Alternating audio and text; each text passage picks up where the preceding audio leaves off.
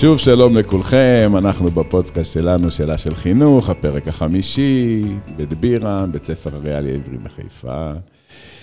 ולפני שאני אציג את האורחת המיוחדת שלנו היום, אמ, אי אפשר שלא להזכיר ולחשוב על שני מיליון הפליטים האוקראינים שעושים עכשיו את דרכם בבוט של אירופה, מסתובבים במקומות אחרים, רק שהם לא הבית שלהם.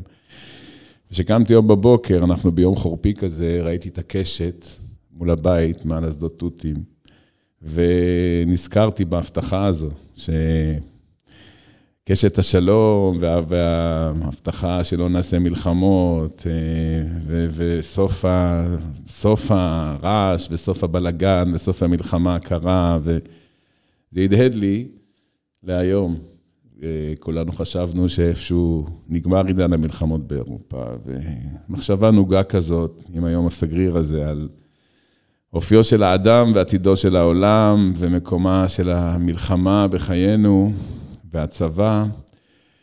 ובמקרה, אה, נמצאת איתנו היום, גם היה השבוע יום האישה הבינלאומי, אבל לאורחת שלנו יש משהו להגיד על זה גם. נמצאת איתנו כאן סרן טל שמאי, אה, סרן במיל טל שמאי, המ"פית הראשונה בפנימייה הצבאית לפיקוד אה, בחיפה. שלום לך, טל. שלום, מנדי. טוב, טל קצת משתעלת היום, אנחנו נשתדל שלא, אנחנו ננסה, לא נערוך את השיעולים. נתתי לה שני שיעולים, אנחנו עורכים החוצה, את השלישי עלייך. לא נשתדל. כן, כנראה היית באיזה אימון עם החבר'ה בחוץ, או מה, עשיתם איזה פעילות אה, שטח. גם קורונה וגם, כן. הכל ביחד, אוי. טוב, אז ככה, טל, בואי תציגי את עצמך בכמה מילים. אה, אה, מה, מה, איך הגעת לתפקיד המיוחד הזה, הייחודי הזה, שאתה יודע, יש תפקידים, הרבה תפקידים בעולם, אבל יש, את עושה, אין, אין עוד אחת כמוך בכל העולם הזה, את יודעת, אין עוד מ"פית בפנימיה צבאית. בבקשה. יכול להיות, כן. האמת שהייתי גם חניכה בפנימיה. אני בכללי, בעברי, אני גם בוגרת של מטוס, של ריאלי מרכז. וזהו, למדתי פה בפנימייה לפני אה, בערך עשור, משהו כזה. אני זוכר אותך, אה, הייתי מנהל שלך. נכון. אני הגעתי בדיוק אז. נכון. אה, התגייסתי לתותחנים ב-2013, למערך שנקרא MLRS, וזהו, ועם השחרור, אז הציעו לי להגיע לפה. האמת שלא לא עברה בי אפילו מחשבה שאני כאילו האישה הראשונה או משהו כזה, תכף נדבר על זה גם, אבל כן. זה לא משהו שכאילו... אז מה זה, קודם כל, מה זה תפקיד המ"פ בפנימייה הצבאית? מה, מה עושה מ"פ? בגדול, אמ, התפקיד הוא תפקיד שהוא חינוכי צבאי, זאת אומרת, ככה אני, ככה אני מגדירה אותו. אני, תמיד כשבאתי לפה, אז אמרתי, אני מצד אחד השתחררתי מהצבא, מצד שני אני כאילו מגיעה לחנך mm-hmm. נערים אה, על, אה, על בסיס ערכי, ואני בוחרת להתמקד בזה שבסוף יש כל כך הרבה ערכים טובים בצבא של אה, אחריות וחברות ומשמעת ו... משימתיות, אז בעצם התפקיד הוא לחנך את הילדים הכל כך מיוחדים האלה, על הערכים האלה. ש... בעצם גם כמ"פית של פלוגה מבצעית, אה, היית, אמנם המשימה הראשית שם הייתה באמת צבאית, נכון. כן? אבל יחד עם זה הפעלת המון פרקטיקות חינוכיות. נכון, אני חושבת שבסוף אה, אומרים ש... מפקד הוא איש של אנשים, אז זה, זה גם נראה לי לגמרי אנשי חינוך, זאת אומרת, הם... אה, את זוכרת איזה אירוע מהתקופה שהיית מפקדת בצה"ל? אה, שיעול ראשון. שיעול ראשון. אם היית מפקדת בצה"ל, ככה, איזה אירוע חינוכי שהתעמקת בו, התעסקת איתו, משהו ככה שנשאר אצלך. אה, אירוע חינוכי, האמת, תראה, לא חסר, לא חסר אירועים, בעיקר בסוף חניכים... ההבדל בין אה, חיילים בצבא לבין החניכים, שהחניכים מגיעים לפה מתוך תחושת אה, שליחות מאוד מאוד עמוקה, ובסוף חיילים בצבא זה חלק mm. ממסלול החיים של כל אה, נער במדינת ישראל. היה לך איזה חייל שלא התייצב בבוקר, פתאום כן. נפקד, עריק. כן, לשמחתי לא הרבה, אבל כן, היה... מה עשית? נסעת אליו הביתה? ישר משפט? איך זה עובד? לא, אז כאילו מנסים קודם כל להבין, בסוף mm-hmm. חייל שלא מגיע בבוקר יש לו כנראה איזושהי סיבה, הוא לא יום אחד מחליט שאין לו יותר כוח. כן. אמ, מנסים לברר, כאילו, מה, מה, מה קרה, מה הסיטואציה, מה, מה עובר עליו, קצת גם להיות עם איזושהי חמלה מסוימת, או לנסות להבין, לתת לו שיש לו, שיש לו פה כתובת ומישהו mm. שיכול גם להקשיב לו. ובסוף גם במקרה הזה זה הגיע גם לזה שבאנו אליו הביתה והבאנו אותו. והמפקדים באים, לא שולחים כן. רק את הקצין הת"ש, או... לא, אתם- המ"פ, כן, המ"פ מ"פ. הולך, כן. יפה מאוד. ותגידי, בצבא, היום, הסיפור של נשים בצבא עלה המון לכותרות, עם הסיפור של השריונריות וכל הוויכוחים שהיו שם. אישה יכולה לעשות כל תפקיד בצבא? אמ, השאלה, לדעתי, וואי, שאלה מורכבת, מנדי. אה, יכולה, תראה, אני חושבת שיש נשים שיכולות לעשות כל תפקיד בצבא. העניין זה עניין של כאילו צורך אל מול באמת אה, מה, כאילו צורך מול יכולת. איזה קושי, למשל, יכול להיות, תני לי דוגמה לקושי שיהיה אותו לאישה מסוים, בתפקיד מסוים. נראה לי בעיקר הקושי הוא פיזי. זאת אומרת, הקושי הוא, הוא פיזי, אבל זה פשוט, אני גם תמיד אומרת את זה, אני, כאילו, אני לא מגדירה את עצמי, גם אמרתי לך את זה שדיברנו, אני לא מגדירה את עצמי בתור כאילו טל שמאי, אה, בת 26, אה, אישה. זה לא משהו שהוא חלק מהמאפיינים שלי. אני יודעת שיש דברים שאני טובה בהם יותר, יש דברים שאני פחות טובה בהם, אבל אני, אני בוחנת את עצמי כבן אדם, לא כאישה או... או... אז מה את אומרת עליה, הסיפור? למה אני אומרת יום ש- האישה, למה יש יום האישה? את בעד היום, מה צריכה לקבוע? יום האישה זה יום, או קוראים לו יום יום הנשים. יום האישה זה דבר חשוב? תראה, אני חשבתי על זה האמת אתמול, לקראת השיחה פה, ואמרתי, כאילו, אני, איזה זכות יש לי פה, כאילו, עם כל הפריבילגיות שיש לי, ובמקום שבאמת, אמ, להגיד, כאילו, אני לא בעד היום הזה, שיש בוודאי נשים בעולם, שזה לא הסיטואציות שלהן, שהן מתמודדות עם, אה, עם אה, מציאות שהיא אחרת, שלא נותנים להן להשמיע את קולן, שהמציאות שלהן היא אחרת. אבל אני כן אתייחס למציאות שלי היום. אני חושבת שבסוף, מאיפה שאני הגעתי, וזה לא בא לי בקלות תמיד, זאת אומרת, כשהתחלתי פה את דרכי בפנימייה, אה, היו כאלה שרצו שאני לא אהיה, או להוריד אותי, או, או דברים מי כאלה. רצו? העמיתים שלך? כן, נראה לי זה היה משהו פחות מקובל, או פחות, אה, זאת אומרת, פחות החליק בגרון, מה שנקרא. כי אישה בפנימייה צריכה להתמודד עם כל האתגרים של הב- של הבנים. נכון. אין איזה הנחה מסוימת, נכון? גם את לא נכון. נותנת הנחה לא. לחניכות שלך. להפך. מבחינה פיזית, הן לא. צריכות לעמוד בכל ה... לגמרי. אז איך מתמודדים עם זה? בכל זאת, יש הבדלים פיזיים הרי בעניין הזה. אז זה בדיוק מה שאני אומרת, שבסוף יש אה, חניכות שהן יותר טובות בתחום הספורטיבי, יותר, טובים, יותר טובות מחניכים גם. שואל שני. זה יפה, זה כל פעם שיעול כזה ייתן לנו איזה כן. נקודה פסיכית. זהו, את השאר אתה מוריד בעריכה. אבל אה, מה שאמרתי זה שיש חניכות שהן טובות יותר בתחום הספורטיבי, יותר מחניכים, ויש חניכות שהן טובות יותר בתחום הלימודי, יותר מחניכים, אבל המדד פה, איך שאני לפחות כאילו מסתכלת על הדברים, זה לא יש אה, חניכה שהיא טובה יותר בזה, אלא כאילו, קודם כל היא בן אדם, או הוא בן אדם, אז, אז אני מסתכלת על זה כאילו בצורה הזאת, ולכל אחד, לכל אחד יש פה אתגרים. גם לחניכים יש אתגרים מסוימים, אז אני אסתכל על זה כי החניך הזה יש לו אתגר כי הוא בן, או כי הוא יותר... אה, כלומר, עוד סוג של אתגר, ויש אתגרים אחרים גם לאחרים כן, שהם בנים. לגמרי. מה, מה, מה האיזון בין, בפנימייה בין אה, להגיע לתוצאה, נגיד מבחן הברור, לעשות את התרגיל אה, אש הכי טוב, את הניווט הכי טוב, לבין הערכת הדרך?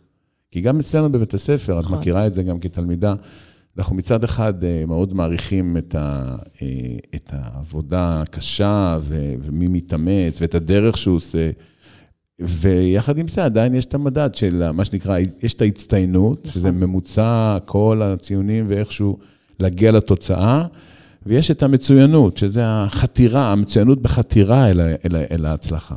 נכון. מה, מה האיזון אצלך בתפיסה החינוכית שלך בפנימייה? תראה, אני תמיד, אה, תמיד אומרת לחניכים ש... קודם כל, אני, אני אישית לא בוחנת אותם ב... בסוף אם הם אה, קיבלו ציון אה, 100, 90, 80, או... כאילו, אם אני רואה חניך שעכשיו ישב ולמד והשקיע וקבע עם החונכות ועשה את כל המאמצים, ובסוף במבחן לא הצליח, כאילו, אלה החיים, כולנו היינו שם. אה, הוא היה פחות מרוכז, עברו עליו דברים, וגם אם פחות הבין את החומר, זה בסדר. אז אני חושבת שפה מבחן התוצאה הוא חד משמעית קובע. בסוף בקצה, יש גם את, אה, סליחה, אמרתי מבחן לדרך, הוא חד משמעית קובע. כן. בסוף בקצה יש גם את מבחן התוצאה, שאם עכשיו אה, חניכים צריכים אה, לעבור ברור, אז הם צריכים לעבור ברור. אבל בסוף מי שמשקיע, לדעתי, גם מצליח. כאילו, אין פה... זה הולך ביחד. כן. כלומר, כלומר, באופן מסוים, שהיית בצה"ל, אז בעצם המשימה המרכזית הייתה לנצח בקרב, בסוף נכון. להכריע. ועל הדרך גם מחנכים, וזה חלק, וגם החינוך תורם מאוד להצלחה אחר כך, כי אתה עם חוסן ועם יכולות וערכים. כאן בפנימייה, הנושא הערכי, המנהיגותי, הפיקודי, זה הנושא של ההתפתחות, הנחישות, הערכים האלו שלא לוותר. נכון. בסופו של יום הם עדיין לא חיילים שמחר יוצאים להילחם. הם יגיעו לצבא כמו כל חייל אחר, אין קיצור פזם או אין שום דבר, הם פשוט יגיעו, נכון. אבל הם יגיעו הרבה יותר אה, מאומנים, ערכיים גם. וחסונים. ואנחנו גם דורשים מהם להגיע לתפקידי פיקוד, נכון? אנחנו כן. מצפים שהם כולם יהיו מ"פ, או נכון. משהו דומה לזה בצבא. זה הייעוד. זה הייעוד, נכון. ותגידי, טל, אפרופו ההערה הקודמת שלי שם, הסיפור של היום פתאום כולם מבינים שהופ, חבר'ה, עדיין צריך חיילים וצבא, אם חשבנו שנגמר עידן המלחמות, אז הנה קיבלנו הוכחה כואבת. אה, הרבה פעמים שואלים אותי, תגיד, מה, מה זה הסיפור? למה צריך פנימייה צבאית? מה, ילדים בני 15-16, פתאום עולים על מדים ונשק?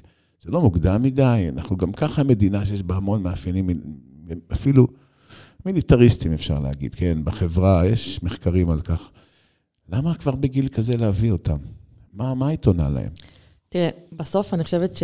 לא זוכרת מי, מי אמר לי את זה, אבל כאילו, אני זוכרת שמישהו אמר לי, לכל מדינה מגיעה פנימייה צבאית אחת שהיא תהיה טובה ואיכותית. אני חושבת שהערכים שהילדים האלה סופגים, סופגים פה והערך המוסף הוא פשוט כאילו משהו שאי אפשר להשיג אותו בשום מקום אחר. החיים המשותפים, ההתחככות עם הדילמות האלה של אה, כמה אני משקיע בעצמי למול כמה אני נותן לחברה, כמה אני נותן לחבר אל מול כמה עכשיו אני רגע חושב יותר על עצמי. זאת אומרת, יש פה כל כך הרבה דילמות יומיומיות שהם מתמודדים איתם. אני זוכרת על עצמי כמה דילמות אני התמודדתי איתם, וכמה זה גם משפיע עליי היום בתור בן אדם שהוא בוגר יותר. זה מחיר די כואב, אבל לוותר על שלוש שנים בבית עם המשפחה ועם ההורים. מה, ההורים שלך לא... ההורים שלך לא... זה מחיר מאוד כבד. לא התגעגעו אלייך, לא אמרו, וואי. טל, בואי, תשארי בבית. שלוש שנים האחרונות שאת ככה איתנו ממש, אה, כבר להיפרד בגיל 15. נכון, זה מחיר מאוד, זה, לא יודעת אם להגיד כבד, אבל זה קשה. אני זוכרת גם, גם את עצמי בתור חניכה, הרבה פעמים מתחככת עם השאלה אם זה שווה את זה, אם אני בסוף גרה בחדר עם עוד אה, שלוש בנות חוץ ממני, שלא תמיד הכי מסתדרות בלשון המעטה. אה, לשמחתי, החניכות היום, לפחות בפלוגה שלי, מסתדרות אה, יותר טוב ממה שאנחנו, וגם לדעתי באופן כללי מסתדרות טוב, שאני מאוד שמחה על זה. אה, זה קשה, זה קשה, וגם היה לי הרבה שאלות, זאת אומרת, אחרי, ה, אחרי הפנימייה, זאת אומרת, אם זה היה, אם זה היה נכון. אם זה היה שווה את זה, אם הייתי עושה את זה עוד פעם, אם הייתי, אתה תמיד שואל את עצמך, אם הייתי שולחת את הילדים שלי למקום הזה. אה, קודם כל, קשה לדעת, קשה לדעת בדיעבד. אני יכולה לדעת היום בוודאות שהמקום הזה נתן לי פשוט כלים מטורפים לחיים. אה, כלומר, גם אם שאנחנו תמיד, אני אומר לחבר'ה הפנימיונים, אתם יודעים, אני אומר לחבר'ה פה שהם לא פנימיונים, אתם עושים שלוש שנים, הפנימיונים עושים שש שנים בתוך שלוש שנים. כלומר, אנחנו מכניסים פה גם בוקר, גם ערב, גם אחר הצהריים, אנחנו דוחסים כל כך הרבה ליום ומוותרים על דברים אה, לא, לא, לא פשוטים. אבל עדיין אני רואה שיש ביקוש רק גובר כל שנה לפנימייה, גם של בנים, גם של בנות, מכל הארץ. אני פוגש אותם חדורי מוטיבציה, חדורי התלהבות, רוצים לבוא, רוצים להיכנס, הרבה גם מטעמים ציונים פטריוטיים, הרבה גם מטעמים של הגשמה אישית. איך את מסבירה את, ה, את, ה, את ההתלהבות הגדולה הזאת שיש לנו כאן בארץ, שכולם כולם כל כך רוצים להגיע לפנימייה הצבאית, ורק 55-60 ברי מזל מצליחים? אני חושבת שהמקום הזה מבחוץ נראה קצת, אה, כאילו יש לו איזו עילה נוצצת מבחוץ, כאילו פנימייה צבאית וחיים כאלה בגיל צעיר עולים על מדים, קצת להקדים את המאוחר, אה, חיים משותפים. אני אמרתי את זה גם לא פעם לחניכים, זאת אומרת, בהתחלה זה נראה נוצץ ונראה זוהר, ומהר מאוד מבינים שהמקום הזה הוא לא זוהר ולא נוצץ, והוא דורש עבודה מאוד מאוד קשה. עבודה קשה. מה למשל הדבר הכי קשה שהחניכים שלך היום בי"א אה, מתמודדים? תראה, השילוב של הלימודים עם המסגרת האינטנסיבית של הפנימייה, אנחנו עכשיו מתכוננים ל- לאימון הבא, שזה אימון שנקרא מכין מלחמה. אמ, ואני רק השבוע הסתכלתי על אה, כל המבחנים שיש להם בחודש הזה, אל מול כל הלו"ז שאני מכניסה להם כהכנה למבחן. לאימון. לאימון, סליחה. אמ, אין לי מושג איך, איך הם עושים את זה. ואני אומרת לך את זה בתור אחת שגם עושה תואר תוך כדי העבודה, וגם עושה עבודה פה של אה, באמת במשרה? מלאה, חינוך אה, מיוחד וחינוך בלתי פורמלי. וואו. ועדיין אין לי מושג איך הם עושים את זה, ועושים את זה גם בצורה שהיא טובה.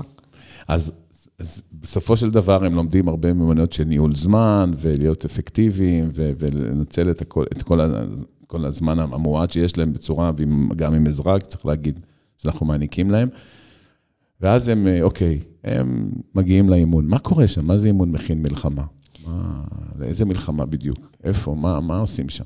תראה, באימון הספציפי הזה אני פחות אפרט לך פה, אבל אוקיי. סתם, באימונים באופן כללי, הם אה, מפקדים על תרגילים. הם ממש מקבלים איזושהי פקודה ו- ומנתחים אותה, ומנתחים את השטח, וממש מפקדים, כמו מ"מים, מקבלים כל הצוות שלהם, החברים שלהם בעצם זה אה, החיילים, יש להם תחתיהם מ"כים. ובסוף יש גם תרגיל אש ברור, וכל תרגיל, דבר. יש תרגיל. באימון הקודם עשינו תרגיל עם אה, אה, מין כדורים כאלה שאין להם בסוף קליע, אבל כאילו ממש עם יריות. ובאימון הזה יהיו כדורים חיים והכל? לא, זה גם כאילו עם כדורים שנקראים אה, ח"כים, חסרי קליע, כן. אבל זה מדמה אחד לאחד. בסוף אתה יודע, ילד בן אה, 16, 17, שמתמודד עם אתגר כזה של גם חוסר ודאות, גם הליכה בלילה, אה, גם לפקד על חברים. זה, תראה לי עוד ילד שעושה דבר כזה בגיל כזה. אז יש להם עוד שנה וחצי, אתם בעצם יעמדו על מגרש המסדרים, ויסיימו, נכון. וילכו לצה"ל, ליחידות, אה, לדרג המסתער, ויצטרפו באמת גם לתלמידים הרבים שלנו מבית הספר שמגיעים ליחידות האלו. ו...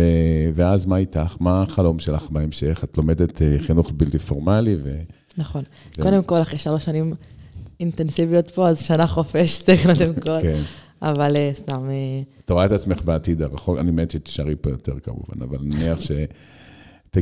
בעתיד. הרחוק, לאן, אה, לאן את רואה את עצמך מתפתחת? תראה, החלום בסוף בקצה בעוד, לא יודעת, כזה כמה שנים, אז אני רוצה לעסוק בכל מה שקשור ב, או בחינוך מיוחד, או בכזה עבודה עם כזה נערי קצה, נוער בסיכון, בעיקר בעזרת, לא יודעת, סופר חשוב. את יודעת, כן. החינוך הפורמל, הלא פורמלי פעם היה מופקד בידי תנועות הנוער, גם היום, וקראו לו אפילו החינוך המשלים. כן, ואני חושב שזו הייתה זירה מאוד חשובה, שהרבה יותר תלמידים יכולים להגיע לשם, א', להוכיח שם הצטיינות ומצוינות, שלפעמים לא הולכת בבית ספר, זה אזור, ה- לחגוג את המצוינות שלהם שם, וגם זה מקום שמלמד המון דברים ו...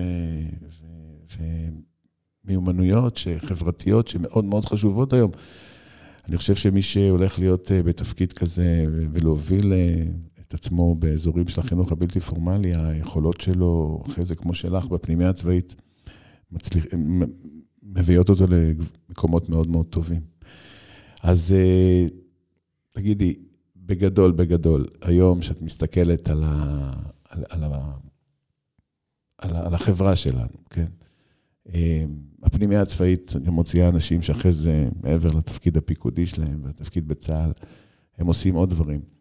יש לשירות הצבאי משקל משמעותי בעתיד שלך, בעיצוב האישיות שלך, בכל החיים הבוגרים שלך? מה- הוא אה, בעצם נותן לנו? לדעתי כן, כאילו אם אני עכשיו אה, מסתכלת, אתה יודע, על מה הפנימייה נתנה לי ומה הצבא נתן לי, זה סוג של כאילו השלמה מסוימת. הפנימייה נתנה לי הרבה מאוד, גם בגרות וגם עיצבה מאוד את הזהות שלי. אם כבר דיברנו על כל מה שקשור רגע לתפיסה שלי בעולם או בכללי של איך אני תופסת את העניין של נשים גברים, אז הפנימייה מאוד עיצבה לי את זה. כאילו, אני באיזשהו שלב בפנימייה, קבעתי לעצמי ש... זה שאני אישה זה לא מגדיר אותי, ואני, כאילו, היכולות האישיות שלי, אה, וזה חד משמעית קרה בפנימייה, כי היו אנשים, נראה לי הם לא שמו לב לזה, כאילו זה לא היה, הם עכשיו רצו להוריד את אה, טל שמאי, אבל זה, אתה יודע, ילדים לפעמים אומרים דברים שהם כאילו אומרים, והם לא יודעים כמה בסוף זה משפיע ו, ומעצב אותך, וזה זה מה שקרה לי שם. והצבא זה היה מין השלמה כזאת לכל, ה, לכל הדבר הזה. בסוף זה נתן לי המון uh, כלים, uh, גם uh, ניהוליים וגם פיקודיים, וגם בסוף בין אישיים, כאילו לשמוע סיפורים שבגדול פה בפנימיה אתה לא תמיד שומע, כי... כלומר, העם בונה את הצבא, והצבא גם בונה את העם. אבל לפעמים אני שואל את עצמי, מדוע צריך, את יודעת, את הצבא כדי של... לעשות את הדברים האלה? כלומר, אה, נכון, ישראל היא מדינה עדיין הכי מאוימת אולי בעולם היום, וצבא צריך, ו... וחיילים וערכיים ו... וכוח צריך, אבל אני מחפש עוד אה, מקומות שבהם אנשים יוכלו לבנות את האישיות שלהם, שהם לוקחים היום למכינות הקדם-צבאיות, לשנות שירות, אפילו יש מכינות אחרי צבא, שאנשים לוקחים כזאת מכינה לחיים, וגם אנחנו פה, הזכרתי את זה כבר, הולכים להפוך את הלימודים, ובחצי נכון. האחרון של י"ב, להכניס אותם למודל של מכינה, של התפתחות אישית והתנדבות, ולהכיר את עצמך יותר לעומק ואת החברים שלך. אז אני חושב באמת איך אפשר לייצר עוד מקומות כאלו, אה, בין אם זה עוד פנימיות, אבל גם לא פנימיות, מסגרות של אחרי צבא, שחבר'ה, לפני שהם יוצאים לחיים, יבואו לאיזושהי תקופה של ככה איפוס כוונות, לדעת לאן אנחנו הולכים, מה אנחנו רוצים, מה החזון שלנו. לפעמים, חבר'ה, אני מרגיש צעירים הולכים מהר מדי למסלול המהיר הזה, נכון. כבר משתחררים, כבר לימודים, כבר... איכשהו לא עושים את ההפסקה שצריך בשביל להחליט, וואלכ, לאן אנחנו הולכים, מה אנחנו רוצים להשיג בחיים. אני חושב ש... נראה לי שהחבר'ה בפנימייה די ככה מחליטים תוך כדי השירות שלהם בפנימייה, עד השחרות. לדעתי, לדעתי בכללי, כאילו, פנימייה ולצאת מהבית אה, בגיל אה, יחסית מוקדם, לא רק לפנימייה צבאית, זה משהו שאני חושבת שבסוף הוא כן מעצב אותך, הוא כן אה, בונה, כן. לא, לא לכולם זה מתאים מן הסתם, אבל... אבל זה עוד מסגרת, אבל אני חושב שבאמת חשוב שנעשה... נייצר עוד מסגרות עיצוב כן. לא, לכל אלה שלא מגיעים לפנימיה הצבאית, כי אני חושב שככה נרוויח חבר'ה צעירים נכון. חזקים יותר, מאומנים יותר, פעילים יותר, אקטיביסטים. נחשוב על, על, עוד, פעם חשבנו פה על פנימייה אזרחית, שגם תגיע ותהיה ליד הפנימייה הצבאית. אה, טוב. וזה גם שאלה, נכון, אם אה, נכון להוציא ילדים מהבית בגיל הזה, אבל אני חושב שכל אחד באמת בוחר, וזו בחירה אישית של כל אחד. שאלה לסיום. ואני חוזר ליום האישה.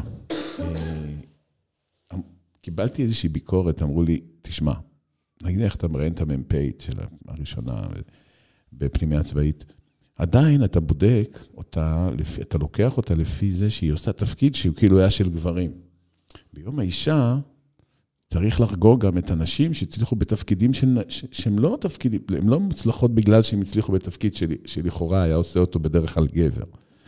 אלא תפקיד, לא משנה מה, אבל נשים שמצליחות ויותר נשים שיהיו בעמדות מפתח, ו- ואני באופן אישי מאוד לא הייתי רוצה שתהיה סוף סוף עוד אישה ראש ממשלה. אולי אז יהיו פחות מלחמות אם נשים ינהיגו את העולם. ומה את חושבת על זה? כלומר, איזה, איזה, מה, מה מודל ההצלחה של אישה? אם, אם, שוב, לקחת אישה שהצליחה כמשהו שתמיד עשו גברים, או גם דברים אחרים? אמ, וואו, שאלה... שאלה מורכבת, כן. נכון? אבל עזבי, אל תעני לי. קחי אותה למחשבה.